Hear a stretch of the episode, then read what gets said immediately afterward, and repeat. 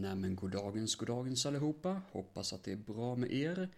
Detta är Robin Andersson som snackar, som vanligt, helt enkelt. Varför bryta ett vinnande koncept, så att säga. Eh, så vi kör väl på som vanligt med att prata lite grann om Miami Vice.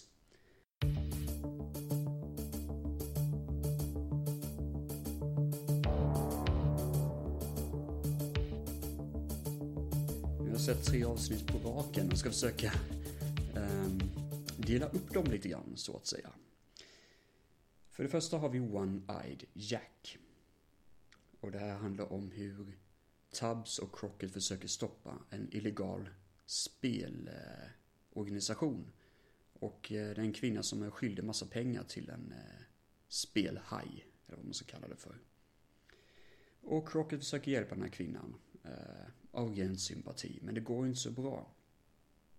Han tar nämligen emot massa pengar, eh, vilket ser lite fel ut när polisen råkar vara i närheten och det gör att de börjar påbörja en typ av undersökning på honom. För att kolla om han... Eh, ja, alltså om han eh, är en good guy eller bad guy helt enkelt. Och han måste under tiden sitta i, eh, inte i finkan, men han får inte jobba ute i fält. Vilket gör att Tubbs, hans kollega, försöker infiltrera den illegala spelklubben. Detta leder såklart till att han träffar på en eh, riktigt stor spelledare, om man säger så, som sysslar med lite olika illegala eh, hantverk och lite droger och sånt troligtvis också. Och eh, ja, det är lite större än vad man kan tänka sig faktiskt. Det känns som att det är lite mer underliggande som händer det här avsnittet.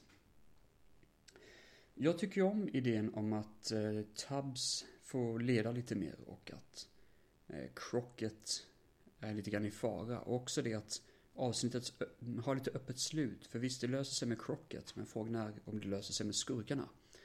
Det är väl lite grann det som är frågan, om det verkligen är över eller inte. Och jag tycker om det. Det är lite nice att det inte bara slutar positivt hela tiden. Det ganska spännande avsnitt, men absolut inget sådär mästerverk. På något sätt. Men bra avsnitt, det är det. Absolut. Sen har vi No Exit, som eh, handlar om att vi träffar på Bruce Willis som är en vapensäljande eh, mastermind, så att säga. Både Miami Vice och FBI, eller någon typ av eh, organisation ute efter honom. Och eh, det är lite sådär eh, tension mellan Memvice och FBI, för man vet ju inte riktigt, de har lite olika idéer, olika koncept på hur man ska kunna stoppa det här kriminella gänget. Och eh, ja, det är lite sådär helt enkelt. Men vi har också en Bruce Willis som är frumisshandlare. Han är riktigt jävla elak mot sin fru, alltså totalt jävla asshole är han. Och det gör fan ont i kroppen med att se Sonny Crockett lyssna på de här banden och de här avlyssnade huset där han torterar sin fru och ett jävla svin mot henne. Det, det gör fan ont i hela kroppen alltså, det är hemskt. Och ehm, det hela slutar ju inte sådär jättepositivt heller.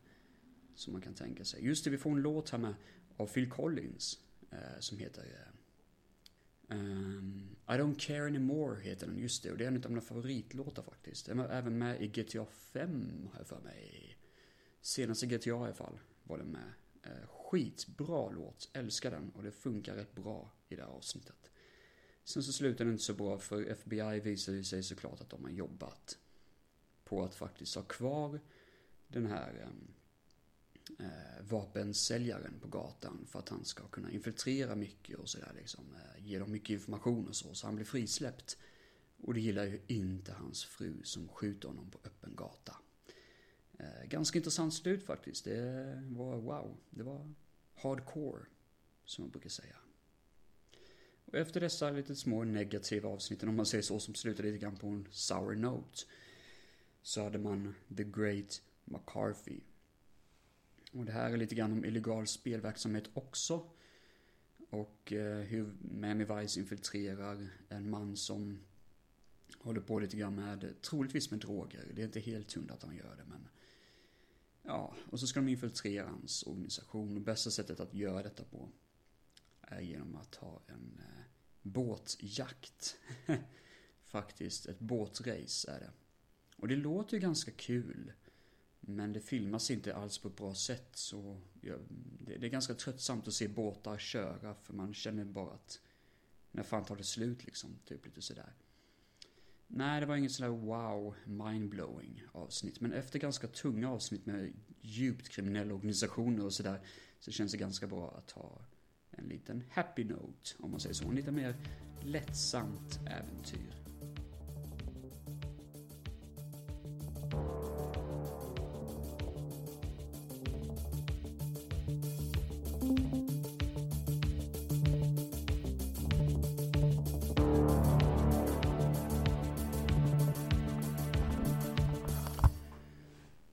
Sådär ja.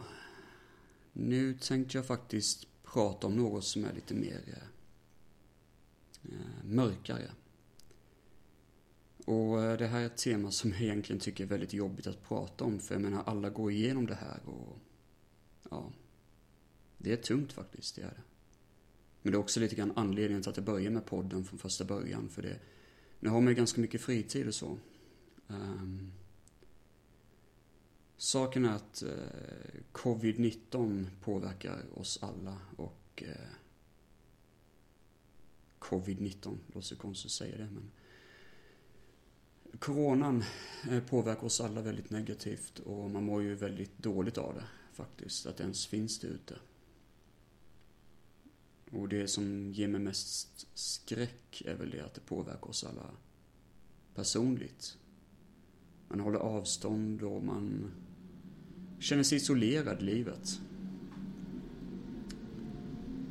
Kör förbi en bil där ute. Ganska lyhört till min lägenhet som ni säkert hör. Men um, det är lätt att känna sig ensam och jag ska väl säga att det, man gör ju det. Liksom, man är ju ensam. Jag menar, um, det är ganska konstigt om jag kollar tillbaka på ett år, alltså 2019 var nog det mest sociala året jag hade i mitt liv faktiskt. Eh, för då träffade jag en tjej och eh, det tog slut nu i januari men det var ömsesidigt så det höll ju inte mellan oss riktigt. Men eh, det var ändå kul så länge det var det faktiskt. Jag har verkligen inget hat mot henne typ men ja, ni förstår nu vad jag menar. Men annars, jag träffade mina vänner så mycket som möjligt. Jag träffade människor överlag, jag höll på med att göra mycket film och så. Det, det var jäkla kul, det var socialt och jag kände att det, det här kan ju bara gå framåt hela tiden typ. Och nu sitter man här. Och bara kände att 2020 bara... Det... Man sitter fast, typ. Och det är jättetråkigt, det är så deppigt. För... Um, Eh, 2012 var det året som jag gick igenom någon typ av depression eller eh, personlighetsproblem, typ. Och eh, anledningen bakom det var det att jag hade precis gått ut i gymnasiet, hade inget körkort, hade ingen aning vad jag ville göra med mitt liv, ingen framtidsplan alls. Jag letade efter jobb och fick aldrig något jobb. Började praktisera på någon jävla fabrik som sög. För det passade bara inte mig. Och jag mådde så dåligt för jag, ibland, alltså ibland när jag skulle äta mat så minns jag att jag nästan på att spy. För jag mådde så dåligt. Alltså jag kunde verkligen inte komma på vad fan det berodde på. Men jag tror nu efter några år att det måste varit eh, någon typ av, eh, ja vad heter den? Eh, någon typ av ångestattack eller något sånt. För det, jag sov jättedåligt om nätterna och var verkligen negativ hela tiden. Mina kompisar måste tyckt jag varit jävligt jobbig. Och mina kompisar, mina, de flyttade, de mm, gick på utbildningar och allt möjligt och där satt jag bara. Jag ville bara ha jobb liksom. Jag ville bara ha någonting att göra typ. Um, men där 2013 beslöt jag mig att nu får jag fan skärpa till mig. Nu kan jag inte hålla på så här längre. Nu får jag liksom verkligen ta mig själv i kragen för jag kan inte hålla på och bara se ner på mig själv hela tiden. Så jag försökte liksom successivt bli mer positiv och det har jag jobbat med varje år, varje dag nästan. Tills det blev någon typ av eh, verklighet, tills jag faktiskt blev den person jag ville bli. Tills jag kände att nu slipper jag låtsas, nu kan jag faktiskt vara den jag är, typ. Och jag fick jättemycket jobb när jag väl skaffade körkort efter jättemånga år. Då fick jag jättemycket jobb inom butik. Och jag kände direkt att det här funkar rätt bra, typ. Det här tycker jag om. Och nu älskar jag mitt jobb. Eh, fullkomligt älskar det. Det, det funkar så jävla bra, allting. Sen så blev jag utarbetad kan man nästan säga. För jag, jag, allt kretsade kring jobb för mycket för mig liksom. Så eh, då blev jag, en dag när jag skulle gå upp ur sängen, då hade jag tre timjobb. Det har jag nu också, men då var det verkligen liksom, jag fick det inte att gå ihop typ. Det var alldeles för mycket jobb egentligen. Men hade jag tagit bort en av anställningarna så hade jag fått för lite jobb. Så det var det som var problemet. Uh, och en gång när jag skulle gå upp ur sängen så, jag kunde inte gå upp ur sängen. Jag bara, jag, jag har aldrig känt mig så tom i hela mitt liv. Alltså jag känner mig verkligen som ett tomt skal. Så då ringde jag mina föräldrar och då sa morsan direkt att det, du har nog blivit utarbetad, typ eller utbränd, eller vad man ska säga. Och eh, ja, det, nu efterhand får jag nog säga att det var något sånt. För eh, det tog en jävla tid för mig att verkligen bli reko efter det. Så jag började plugga till att bli fastighetsskötare istället. Och eh, gick en 11 månader lång utbildning. Och det var väl inte riktigt sådär jättebra. Skolan var inte sådär jättebra. Eh, eleverna var inte sådär jättebra och jag tyckte inte lärarna var så bra heller. Det, det funkade egentligen inte riktigt för mig. Men jag ångrar inte att jag gjorde det så, för då fick jag ändå se en annan värld, typ. Även om det egentligen visade sig att det inte funkade för mig. Men eh, jag gick ut utbildningen och det ångrar jag egentligen inte att jag gjorde. För hade jag hoppat av för tidigt så hade jag nog känt mig mer som en förlorare, typ liksom. Men eh, det var dagar och stunder där jag kände att jag verkligen hade den här um, ångesten i kroppen, alltså som låg kvar typ efter det här med att min utbrändhet, eller om man ska säga att jag verkligen kunde känna i kroppen att eh, min puls gick upp jävligt snabbt från ingenstans typ. Och jag kände den här ångesten som bara kröp upp i mig och ibland hade jag svårt att sova och allt möjligt. Sen så skaffade jag praktikplats på ett ställe och det funkade inte. Han som var ansvarig för mig då, han skötte sig inte sådär jättebra. Han var väldigt negativ så jag hoppade av väldigt tidigt från den praktiken. Och det var enda gången då skolan faktiskt har varit på min sida och sagt nej, du ska skaffa bättre praktikplats. Och det var jävligt gött att de faktiskt var på min sida.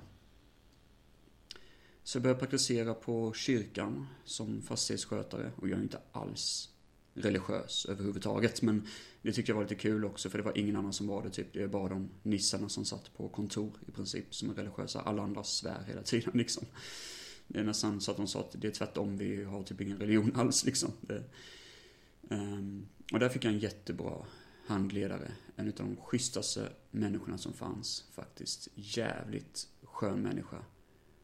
Och eh, jag fick insikten också i det att dra ner lite grann på tempot. Att verkligen värdera vissa saker, typ i jobbet.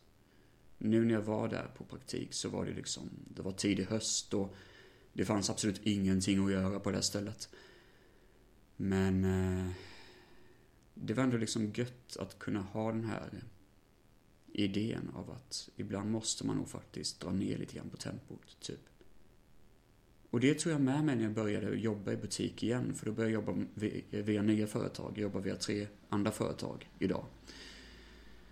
Och eh, 2019 var skitskönt. Det var så jävla gött. Alla tyckte jag gjorde ett jättebra jobb. Jag kom i kontakt med jättesköna personer och det bara kändes gött allting. Och jag kände att jag kan det här jobbet och jag tycker om det. Och jag behöver inte bränna ut min energi utan allt bara var så jävla positivt. Och jag, fan, tyckte det var gött. Men nu under den här coronakrisen så försvinner mina jobb, tyvärr. Och det suger, för de här butikerna jag besöker som butiksplockeri, där jag dyker upp och liksom gör, plockar mina varor som jag ska plocka.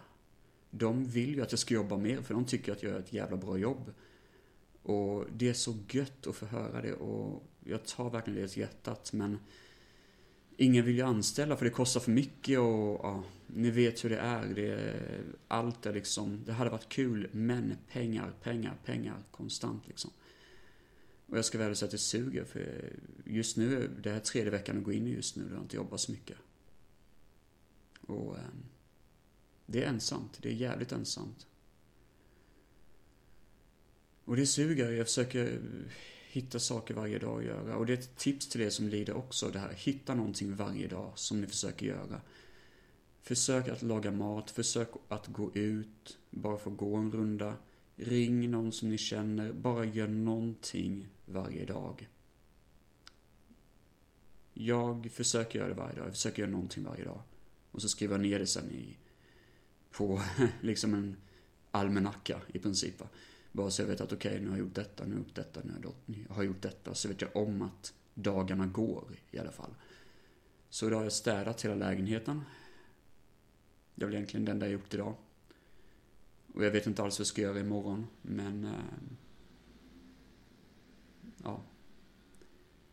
Det, det är i alla fall ett tips till er. Sen så kan man också försöka tänka att varje gång man ska gå och lägga sig, försök att lägga er vid ganska bra tid. Det är också ett tips. Lägg inte för jävla sent. Utan lägger vid ganska bra tid. Och när ni väl har gjort det, när ni väl har lagt er vid en ganska bra tid så ska ni försöka tänka innan ni somnar då. Vad har jag gjort idag som är bra? Och ta med det i hjärtat. Det behöver inte vara stort, men bara något litet. You gotta be fucking kidding.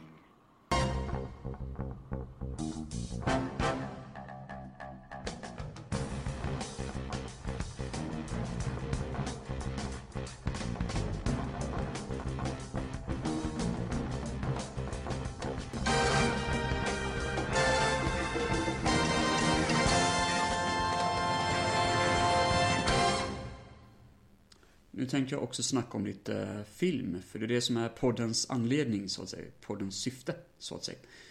Så jag tänkte snacka lite grann om lite filmer man kan se nu under eh, lockdown. Saker som är skrämmande, saker som är underhållande, komiskt. Bara en blandning. Och jag ska försöka berätta varför jag tycker den här filmen passar för er. During these circumstances, så att säga. Vi drar igång med The Big Lebowski. Och The Big Lebowski är en film som alltid fått mig på bra humör. Jag brukade se den när jag var arbetslös ganska ofta, när jag bara kände att nu har jag varit för spänd, nu har jag varit för orolig, nu har jag varit för dålig på allting och kanske till och med känner att jag måste chilla lite. Då brukar jag se The Big Lebowski. Och eh, jag behöver egentligen inte beskriva så mycket vad den handlar om, för jag tror de flesta känner till den. Och att ens beskriva handlingen går ju inte på den här typen av film. Detta är kultfilmernas fader. Jag har faktiskt inte sett den på flera år nu när jag tänker efter. Jag försökte se den oftare men det blev bara aldrig av. Um, vi har Jeff Bridges, vi har John Goodman, Julian Moore, Steve Buscemi och John Turturro bland annat i huvudrollsinnehavarna i den här filmen. Och eh, det handlar om den lata bowling-snubben, the dude, som typ bara röker på och är jävligt lat. Och han blir indragen av en sjuk händelse i en kidnappningshistoria. Och det här är en sån här parodi nästan på detektivhistoria, för han vill ju inte ens vara indragen i detta, han bara blir indragen i det. Och allt börjar med att en snubbe misstog honom för att vara en annan person och pissade på hans matta. Som han försöker få ersatt. Det går som sagt var inte att beskriva den här filmen. Ni, gillar ni kultkomedier så borde ni garanterat se The Big Lebowski. The Dudabides. The Dude Abides. Det är faktiskt en av mina favoritfilmer överlag. Den får mig alltid på bra humör och jag rekommenderar den garanterat. En annan liten kultfilm är en science fiction thriller. Eller cyberpunk. Jag kallar det för cyberpunk, men det är det troligtvis inte. Hackers från 90-talet. Eh, det här är en skön, ostig film. Vill ni se datahackers som ger sig in online och hackar planeten, då så ska ni verkligen se den här filmen. För den är gjord av folk som inte alls vet hur internet fungerar, som inte alls vet hur det ser ut om man faktiskt hackar datorer. De har slängt in en massa sådana här 90-tals dataeffekter som ser ganska komiska ut. De ser jävligt mysiga ut ändå. Jag gillar ändå stilen på det hela, men det är inte alls så det ser ut när man hackar datorer. Eh, alls. Och så är det cool musik, det är The Prodigy har jag för mig, så det är sådär cool synt musik eller sådär eh, punk synt musik i princip. Och det handlar om datahackers eh, som ska försöka hacka sig in i ett stort företag och eh, ja, jag, jag, jag vet inte fan, storyn är väl egentligen i bakgrunden där någonstans, men det är mest stil, eh, väldigt lustiga kläder och goa skådespelare. Nu ska vi se vilka är med i den här filmen, för det är ganska många halvkända. Johnny Lee Miller och Angelina Jolie, och jag för mig de till och med var gifta ett tag, om jag inte minns fel. Ian Softly har gjort filmen. Jag kommer inte ihåg vad han har gjort tidigare, men jag känner igen honom, hans namn. Och eh, Simon Boswell har gjort musiken, just det, han står för viss, lite av musiken. Och vi får ju en asbra låt med som råkar vara med i Mortal Kombat med. Orbital, tror jag. Jag vet egentligen inte varför den funkar nu, men jag tror tanken är att många sitter nog hemma vid datorerna nu. Vid dessa dagar, då man egentligen inte kan göra så mycket annat. Och då kan det vara kul att se en film som handlar om datahackers. Sen har vi en mysig liten film som eh, jag faktiskt nästan har glömt att den existerar nästan. Men jag har sett den många gånger förut. The Descendants med George Clooney. Detta är en sån här bitterljuv, ganska dyster film, men dyster på ett fint sätt. Och eh, anledningen till att jag kom på den här, det är att Jim Rash är en av de som har skrivit manuset. Och han är ju med i Community. Tv-serien som jag håller på att se just nu. Ehm, så jag var lite överraskad över att han som vän av trion där som skrev manuset till The Descendants. Detta handlar om att George Clooney befinner sig i, vad fan är det någonstans? Är det Hawaii, har jag för mig. Och eh, han är en sån här jättestor Eh, ägare av ett gigantiskt företag, men han är också en sån här everyday man, typ. Han har aldrig haft tid med sin familj, för han har alltid jobbat. Och nu så hans fru döende, hon ligger i koma och han inser att han måste försöka liksom få tillsammans sin familj. Och berätta om situationen och berätta om att hennes tid är nu på väg att rinna ut. Så det är en väldigt dyster film på det sättet, men samtidigt så berättar den lite bitterljuvt om familjen och alltså det, det, är en fin film. Jag vet att det låter jävligt skumt att en film om döden är fin, men den är faktiskt ganska vacker om det här att acceptera någonting. Och jag vet nu i coronatider så kanske detta är någonting som är för dystert att se, så jag förstår detta, men vågar man sig på att se en mysig film om att gå vidare och försöka gå vidare i livet och acceptera det man har runt omkring sig. Då passar vi Descendants väldigt bra. Och jag tror i alla fall den passar rätt bra under de här mörka tiderna i vårt liv. Nu går vi vidare till Blu-ray, för jag har lite Blu-ray-filmer här också. Jag har, det, ni ser ju inte det ändå, vilket fall som helst, så skit i det. Det finns på DVD också. Um, Ten Cloverfield Lane. Och detta är faktiskt en film som jag personligen inte skulle vilja se under dessa rådande omständigheter, för det känns lite för nära realismen. Men det handlar i alla fall om att John Goodman har låst in en kvinna och en man i ett stort eh, valv eller en bunker rättare sagt, under sin gård. Och han påstår att det är någon typ av attack. Eller något virus eller någonting som sprids ovanför mark och påstår då att jordens undergång håller på att hända. Och alla tre börjar undra om detta verkligen händer, eller eh, båda två, både kvinnan och mannen börjar undra om detta verkligen händer och de börjar nysta lite grann vad som, vad den här mannen egentligen är ute efter. Och det visar sig att den riktiga faran är John Goodman himself, som verkligen är otroligt farlig i den här filmen faktiskt. Um, alltså det finns inte så mycket mer att säga. Alla vet om den här filmen. Och uh, den produceras av JJ Abrams, för mig.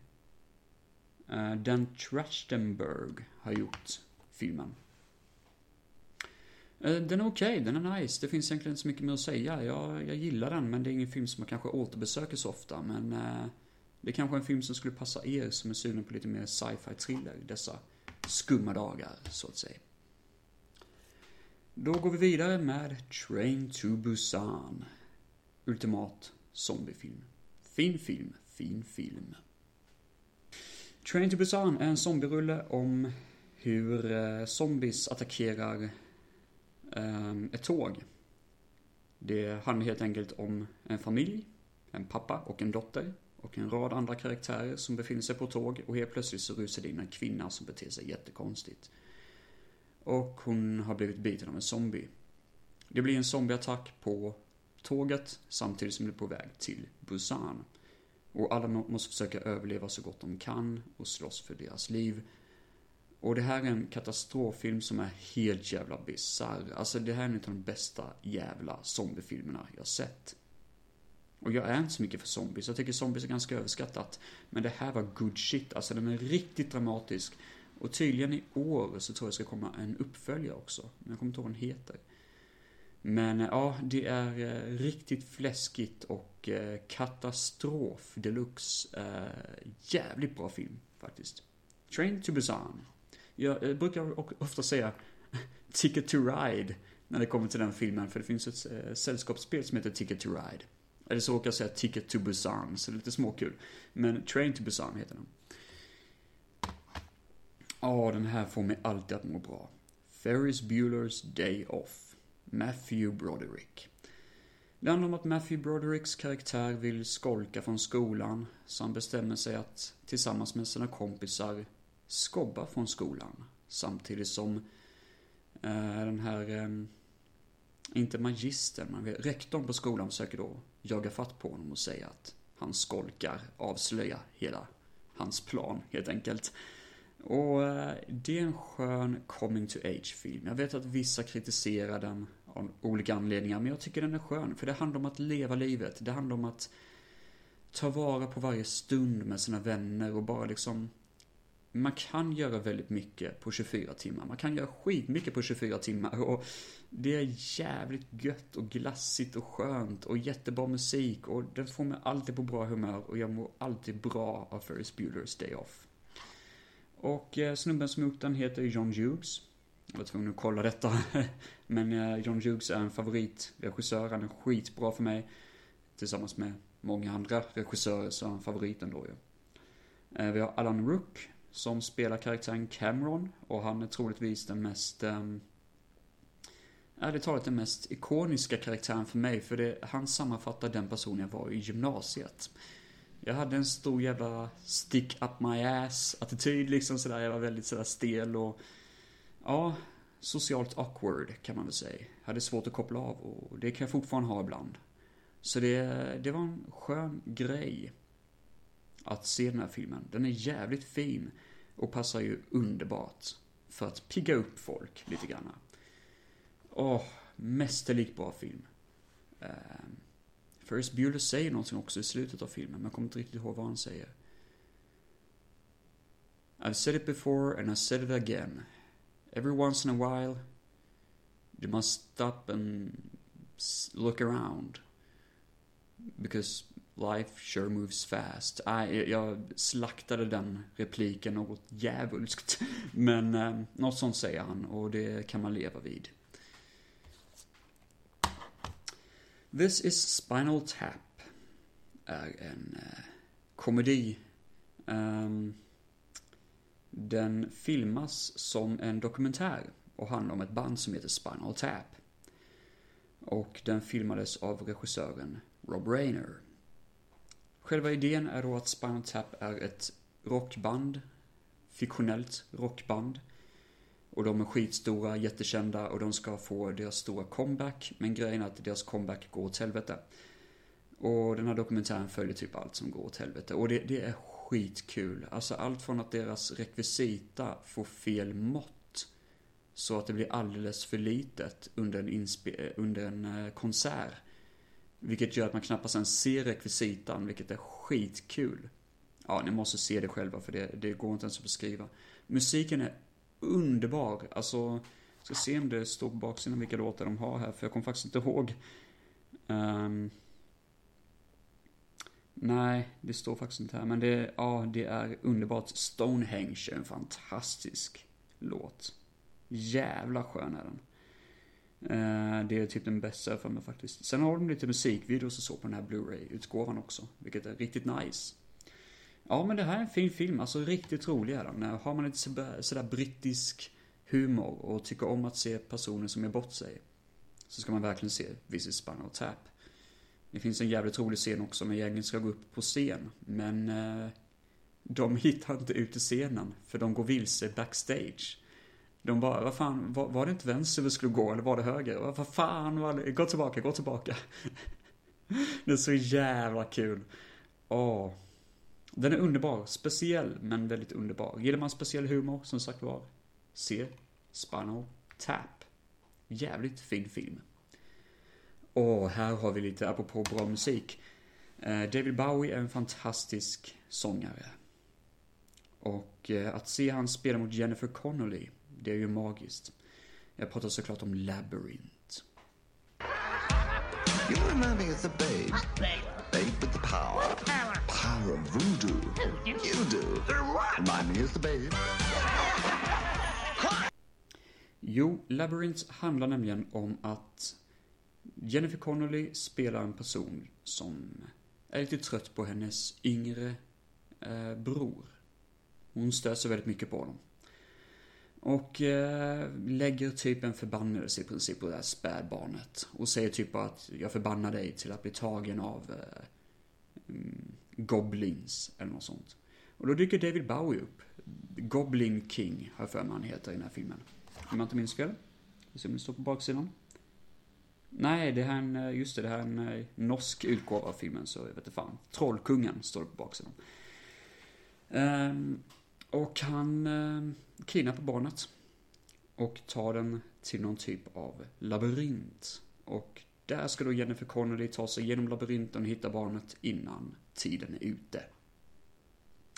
Och det, det är lite grann som ett mysigt tv-spel. För vi får, vi får se jättehärliga karaktärer, vi får se stop, eller inte stop motion, men sådana här underbara dockor från Jim Henson. För det är ju han som har gjort den här filmen då. Så det är sådana här underbara, vackra dockor och det är mycket sång och musik och många gillar ju inte musikaler. Och jag är faktiskt en av dem också. Jag tycker musikaler kan bli jävligt tjatigt. Men Labyrinth lyckas så underbart att naila det här. Och jag älskar den här otroligt, ska se om den inte dyker upp här på, de måste ha nästan någon musikvideo på den. Uh, nej, verkar inte så. Det var konstigt.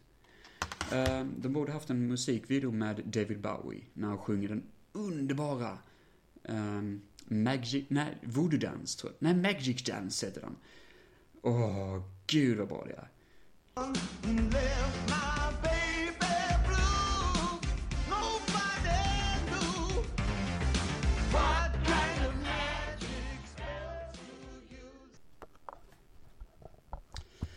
Ja, Disaster Artist. Jag äger tyvärr inte filmen The Room, som är fantastisk. Alltså en magiskt bra film. För att den är helt värdelös. Um, däremot så har jag läst boken The Disaster Artist av en utav de medverkande i filmen. Ja, ni kanske undrar vad The Room är för någonting, det borde man kanske gå in på. Jo, The Room hyllas som en av de sämsta filmerna som någonsin har gjorts. Den gjordes av en kille som inte alls visste hur man gjorde film. Och han vill göra en produktion som visade hur, vilken bra skådespelare han är. Uh, han är inte en bra skådespelare. Vilket självklart är en del av humorn bakom filmen. Och uh, nu var det väldigt länge sedan såg Room, men den är känd av fel anledningar, så att säga. Och en av de medverkande som var med i den här filmen, eller var med i uh, The Room då alltså, heter Greg Sestero. Och han skrev en bok tillsammans med Tom Bissell, Bissell, står det, som heter The Disaster Artist, om hur filmen blev till och hans vänskap med eh, Tommy Wiseau som gjorde The Room. Den här boken blev ganska känd. Den vann till och med priser tror jag. Och eh, fick även en sån här riktigt, riktigt snygg eh, eh ljudbokutgåva. Skitsamma, nevermind. The Disaster Artist är alltså filmen om, baserat på den här boken om skapandet av filmen The Room. En film om en film, helt enkelt. Så vi har Dave Franco, James Franco, Seth Rogen.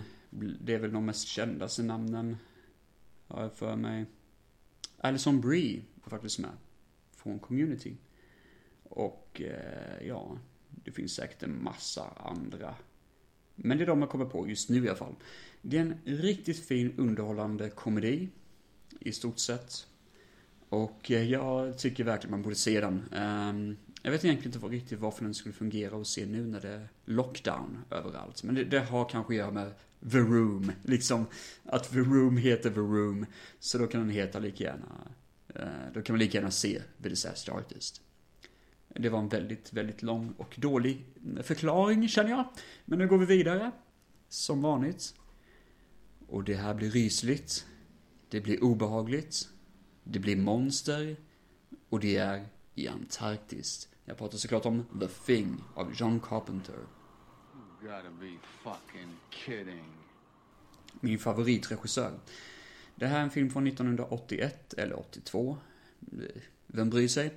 Och det handlar om en eh, forskningsanstalt, eh, eller forskningsinstitution ute i Antarktis. Och eh, helt plötsligt så kommer en hund springande. Och huvudkaraktärerna skjuter ihjäl några, de som är på den här basen skjuter ihjäl de som försöker döda hunden. Det är några norrmän som försöker spränga ihjäl hunden.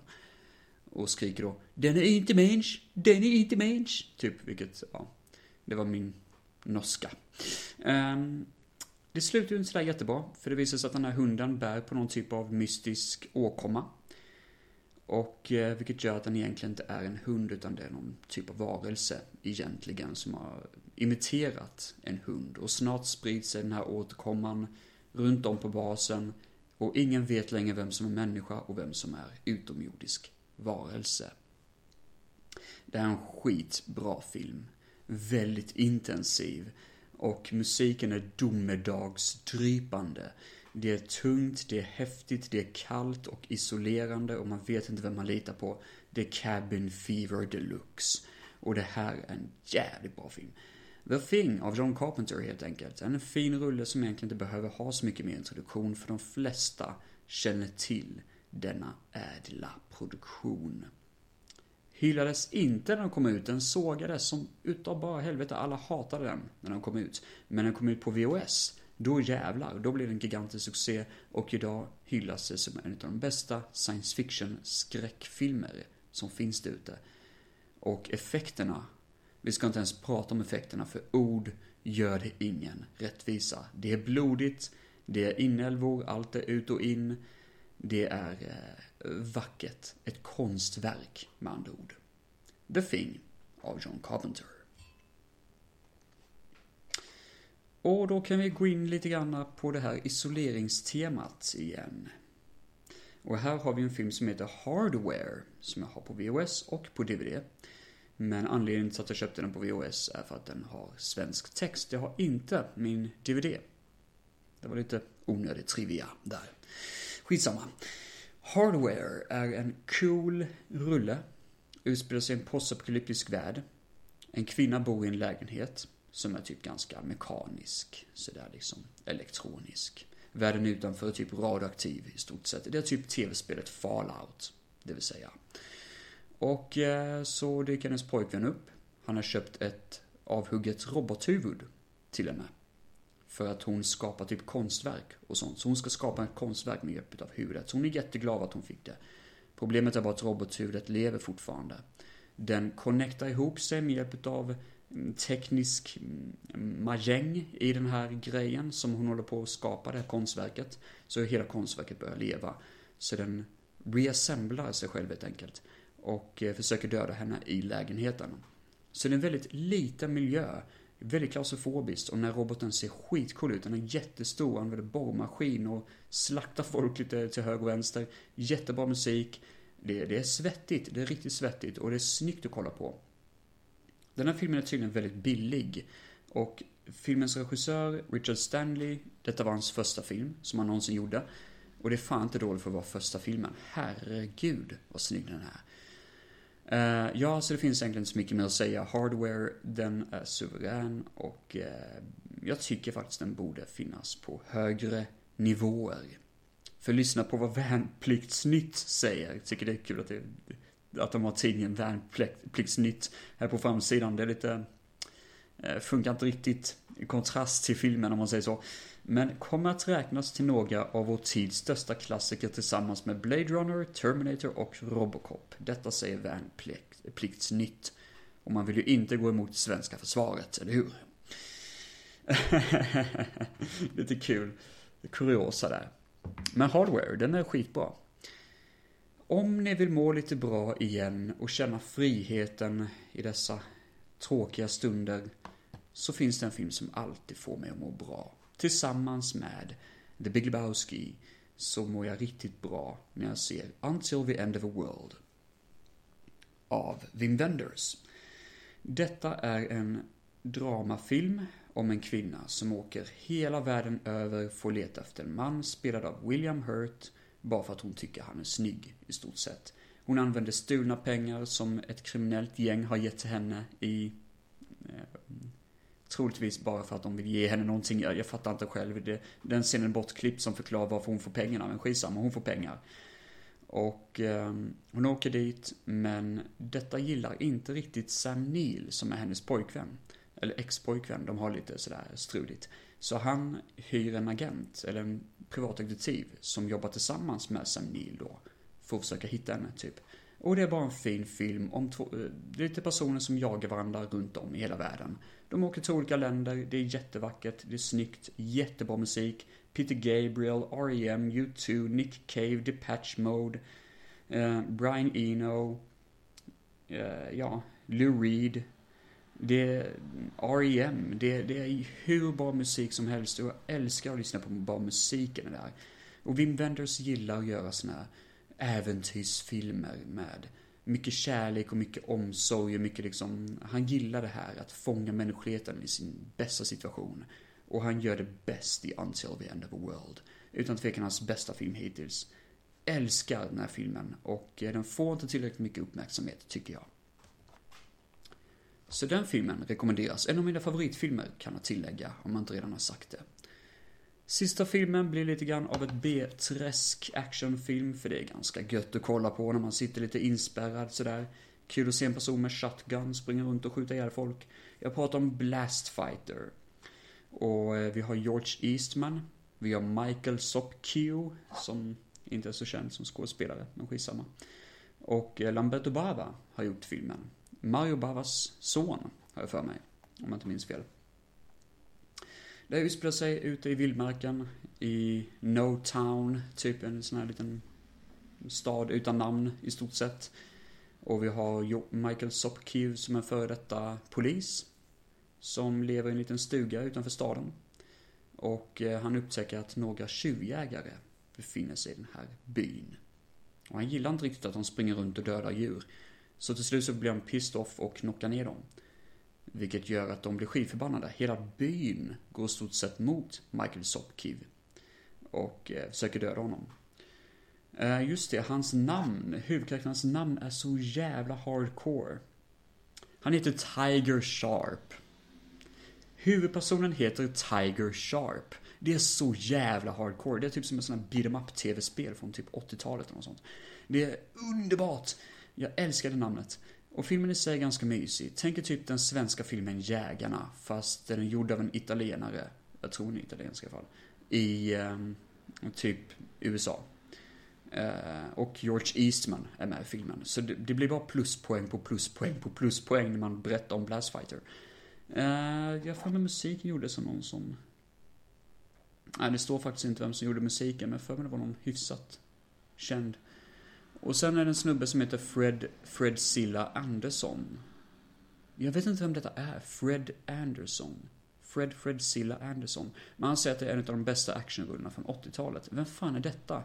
Är det någon som vet om det? Någon, någon eh, är detta någon sån här kampsportskille eller någonting? Jag vet faktiskt inte vem det kan vara. Det jagade djur, han jagade dem. Ja, den är mysig den Blast Fighter. Det går inte att komma ifrån. Vi borde prata lite grann om 80-tals eh, actionfilmer från Italien. Det var ett, ett, ett, ganska kul tema. Även om jag inte har så många i min ägo så är det ändå ett roligt tema. Men men, det var väl dagens avsnitt. Det blev ganska långt. Jag tror det är längst hittills. Jag vill inte ens veta hur jobbet det kommer bli att redigera ihop den här skiten. Men men, det var Lalles.